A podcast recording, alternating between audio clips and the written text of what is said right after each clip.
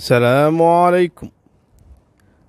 والله يا في خبر يا جماعة قبل أربعة أيام وأنا أفكر فيه.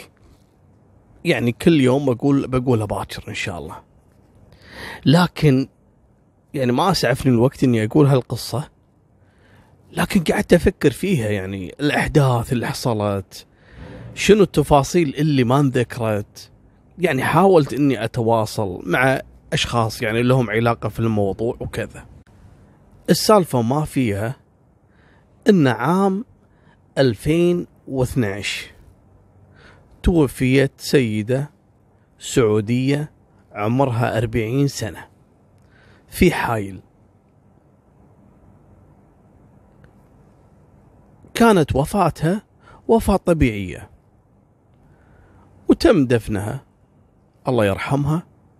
وزوجها كذلك متوفي من زمان. وخلاص يعني انتهى الموضوع. لكن شو اللي حصل قبل أربعة أيام؟ شيء يتعلق في هالمرة هذه. الكل عارف قصة وفاتها وكذا. لما توفيت هالمرة هذه عام 2012 عندها ولد وبنت. البنت عمرها تسع سنوات والولد عمره عشر سنوات. صغار. أجل من اللي دفنها ومن اللي يعني مشى في أمور الوفاة والجنازة وكذا؟ قالوا هذا ولد زوجها. هذه كانت المرة الأربعينية هي الزوجة الثانية. وزوجها عنده عيال من زوجته الأولى كبار. عنده ثلاثة شابين وبنت. الكبير هو اللي كان ماسك العائلة بعد وفاة أبوه. فما كان في من العائلة الثانية إلا زوجة أبوه وأخوانه الصغار البنت والولد اللي تسع سنوات وعشر سنوات مثل ما قلنا. يوم توفت الله يرحمها قام هذا الكبير وخذ مرتبو بعد ما توفت وفاة طبيعية بنوبة قلبية وراح دفنها وجاب تصريح دفن من المستشفى وودوها للمقبرة وانتهى الموضوع. قبل أربعة أيام انكشفت تفاصيل جديدة في الموضوع في موضوع وفاة هالمرة هذه. ليش؟ شنو كان بدايتها؟ اسمع السالفة. الولد والبنت عيال هالمرة هذه اللي توفت الله يرحمها الزوجة الثانية يطالبون أخوهم بشهادة وفاة والدتهم. يبوا يقدمونها حق وزارة الشؤون ويقدمونها حق وزارة التأمينات الاجتماعية عشان يرتبون أمورهم. تعرفون أنتم لما ياخذون اللي هي شهادة الوفاة علشان يعني الحكومة تصرف لهم اللي هي الإعانة للأيتام من هالكلام هذا؟ بما أن أبوهم متوفي وكذلك أمهم متوفية. فيكلمون أخوهم الكبير هذا. يا ابن حلال لما كنا صغار أنت اللي خذيت أمي من المستشفى وخذيت تصريح الدفن ورحت دفنتها وعندك ورقة من تصريح المقابر إنه بدفنها صح ولا لا؟ وعندك شهادة الوفاة. عطنا إياها يا أخي. نبي نسوي أمورنا. نبي نخلص إجراءاتنا يعني. في الشؤون في التأمينات الاجتماعية في يقولون إن شاء الله يصير خير بعدين إن شاء الله. حاضر حاضر. يوم عن يوم. حاضر حاضر حاضر حاضر. يبقى هذول كبروا اللي عمره تقريب 17 سنة واللي عمره 18 سنة. يبي يمشون أمورهم يبي يطلعون هويات يبون كذا. وهذا أخوهم الكبير من أبوهم يماطل المهم يوم قاموا يحنون عليه الرجال طول عليهم شهر شهرين ثلاث وهم يراكضون وراهم يا ابن الحلال أنت أخونا الكبير ابونا متوفي وأنت حسبة أبونا. يا أخي عطنا الأوراق يرحم والديك خلنا نخلص. عطنا أوراق أمنا يعني شهادة وفاة أمي عشان بروح بقدمها حق المؤسسات الدولة بخلص أموري يا أخي. إن شاء الله حاضر حاضر. يصير خير يصير خير. يوم طولت العملية راحوا قدموا شكوى.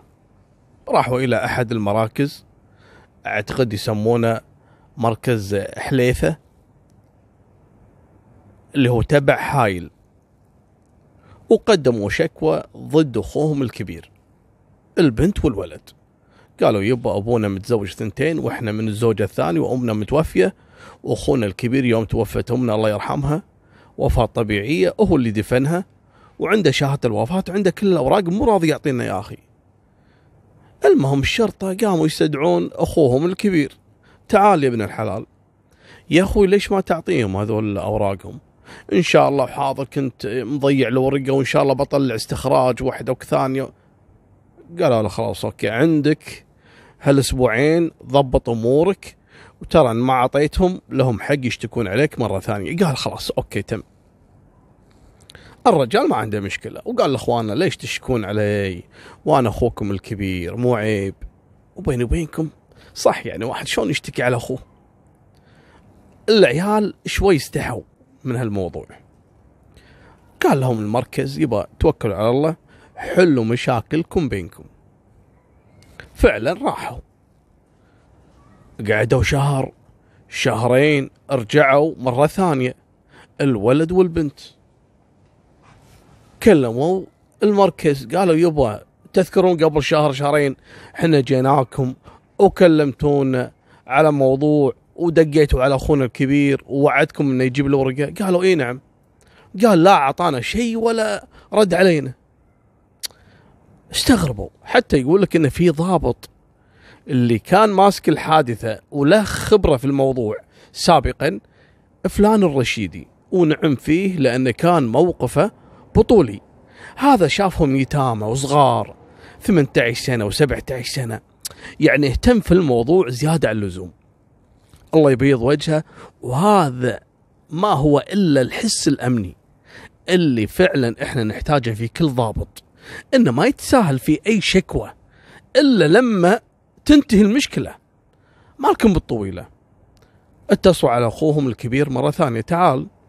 يوم جاء. وين شهاده الوفاة؟ إحنا مو قلنا لك تعطيهم أسبوع أسبوعين. الحين جريت فيهم شهرين. ليش؟ شكلك ما تستحي أنت. هذا أخوانك صغار. وأنت أخوهم الكبير. والمفروض تساعدهم. مو تقعد تخليهم يتنطرون وكذا. سالفتك انت فيك شيء انت؟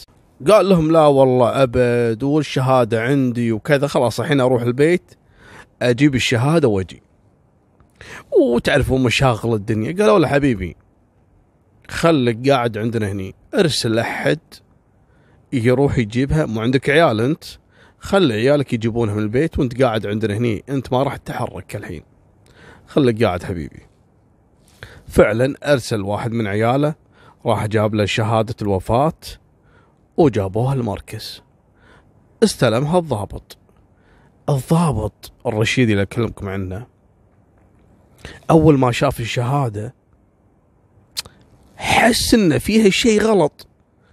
قال له شنو شنو الشهادة هذه؟ شلون مكتوبة بهالطريقة هذه؟ خط يدوي الختم واضح التاريخ مو واضح. قال له ما في مشكلة خليك قاعد أنت. يوم اشتبه الضابط بالشهادة قام يشيك على المستشفى اللي عطتهم إذن الدفان وكذلك تصريح الدفان من المقبرة.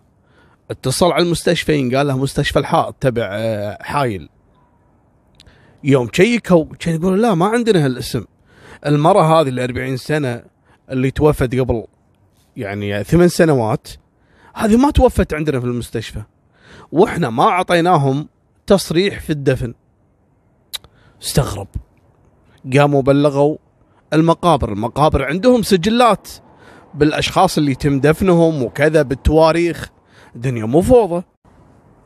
يوم تشيكوا في إدارة المقابر ولا حتى المقابر ما عندهم هالاسم ولا تم دفن هالسيدة عندهم ولا أبدا لا قبل ثمان سنوات ولا حتى الحين. والورقة اللي جابها أخوهم الكبير هذه مزورها. أهلا وسهلا. شلون وليش؟ ردوا مرة ثانية حق الأخو. تعال يا الحبيب. عسى ما شر. ليش مزور أنت شهادة الوفاة؟ ومن وين لك تصريح المستشفى بالدفان؟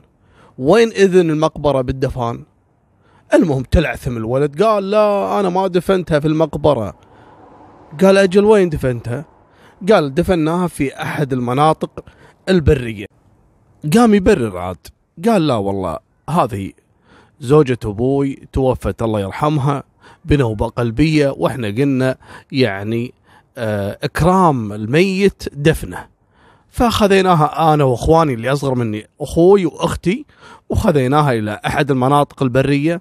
وحفرنا لها قبر ودفنا لها وصلينا عليها. أهلا؟ شو وين قاعد أنت؟ تكلم جد؟ قال لي نعم هذا اللي صار. ويستدعون أخته وأخوه اللي أصغر منه اللي شاركوا في الدفن. يبي يسألونهم هل فعلا قبل ثمان سنوات شاركتم أخوكم الكبير بدفن زوجة أبوكم؟ قالوا إي نعم لكن الأخت على طول بطت الجربة. شو السالفة؟ قالت يبا ترى زوجة أبوي لما توفت ما توفت بشكل طبيعي. هذا أخوي الكبير هو اللي اعتدى عليها بالضرب وكان دائما أصلا يضربها ويعنفها. في آخر مرة ماتت على إيده. ويوم تورط قام كلمني وكلم أخوي وقال لنا خلينا نروح ناخذ الجثة نوديها أحد المناطق البرية وندفنها علشان ما ينكشف. وطول هالثمان سنوات اللي فاتت كان يعنفنا وكان يهددنا أن أي شخص يكشف السر إنه راح يذبحه كذلك. انصدموا. لا واللي انصدموا أكثر المساكين اللي يحسبون أن أخوهم هذا دافن امهم وإنه يعني مسوي فيهم فضل وإن أمهم ماتت وفاة طبيعية طلع ملعون الخير. هو اللي ذابحها. يوم ما جهوا واعترف بالموضوع. قالوا وين الجثة؟ وين مكانها؟ يوديهم تقريبا 200 كيلو عن حايل وينبشون وفعلا ولا هذه آثار الجثة. ودوها للطب الشرعي واكتشفوا في الطب الشرعي إن هذه الجثة تعرضت لكسور وقت الوفاة. كسور في اللي هو أعظام اللي اللي هو القفص الصدري وكذلك كسر في الذراع.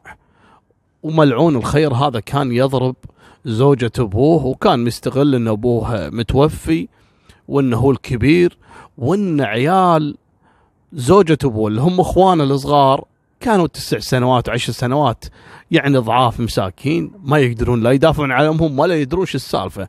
يوم ماتت امهم ما كانوا يعرفون الموضوع. لا خذاها من وراهم. ودفنها بمشاركة إخوانه الكبار. واقنع إخوانه الصغار هذول إن أمهم لما توفت كانت وفاتها طبيعية والمساكين مصدقين لكن الأسوأ من هذا اللي كشفته اختهم الكبيرة. قالت لا وبشركم بعد. أخونا هذا اللي ملعون الخير الكبير ترى طول هالثمان سنوات وهو يعنف بإخواني الصغار ومعذبهم وحارمهم من أبسط حقوقهم ما اعطاهم أي شيء من اللي أبوي يتركه كورث. والمساكين حتى شهادة الوفاة اللي يبونها علشان يرتبون أمورهم ويستخرجون أوراقهم ما أعطاهم لأنه أصلا ما يملكها وقام زورها علشان بس ما تنكشف قصة مقتله لزوجة أبوي. طبعا تم ضبطه وضبط كذلك أشقاء اللي شاركوه في دفن زوجة أبوهم المقتولة وإحالتهم للنيابة ومحجوزين الحين على ذمة التحقيق وأنا أقول لكم خذوها مني هذا بياخذ اعدام إذا اخوانه الصغار يعني بياخذ قصاص إذا اخوانه صغار اللي هي أمهم ما تنازلوا وحتى لو تنازلوا ممكن يجر له كم سنة وأنا أتمنى أصلا إنه ما يتنازلون عنه حتى لو كان أخوهم لأن هذا ما هو إنسان هذا وحش على هيئة بشر لأن المفروض لما تكون أنت أكبر إخوانك مثلا وتوفى أبوك وترك عنده زوجة ثانية اللي هي أمك الثانية المفترض. وهذول إخوانك إنك أنت تكون في محل أبوهم وزيادة وتعوضهم عن أبوهم. دام إن رب العالمين اختارك إنك تكون في محل الأب لكن إنك تستغل هالموضوع. وكثير سمعنا موضوع اللي يسرق الورث واللي يظلم إخوانه الصغار الأضعاف وإنهم يعني للأسف والله يا ربي يا ربي بس إنك تخلي الناس هذه تفهم معنى الأخوة ولا معنى الأبوة. هذه نهاية سالفتنا. فمان الله مع السلامة.